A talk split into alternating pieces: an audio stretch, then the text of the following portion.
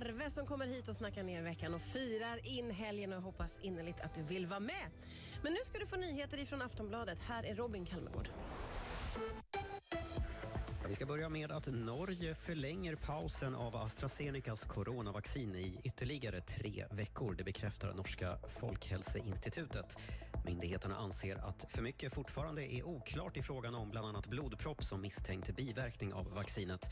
Den europeiska läkemedelsmyndigheten EMA har ju sagt att vaccinet är säkert att använda och här i Sverige återupptogs vaccineringarna igår för personer över 65.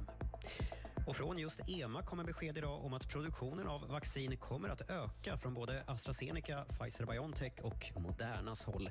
Flera nya produktionsanläggningar har just godkänts. I AstraZenecas fall handlar det om en anläggning i Nederländerna och i Tyskland har en ny anläggning för Pfizers vaccin fått grönt ljus.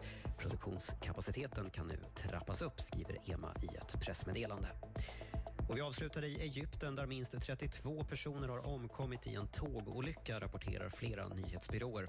Över 60 personer uppges ha skadats i kraschen som enligt lokala myndigheter orsakades av att en nödbroms utlöstes felaktigt och fick ett tåg att köra in i ett annat.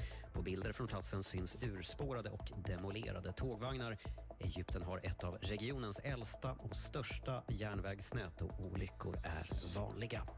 Och det var de senaste nyheterna. Jag heter Robin Kalmegård.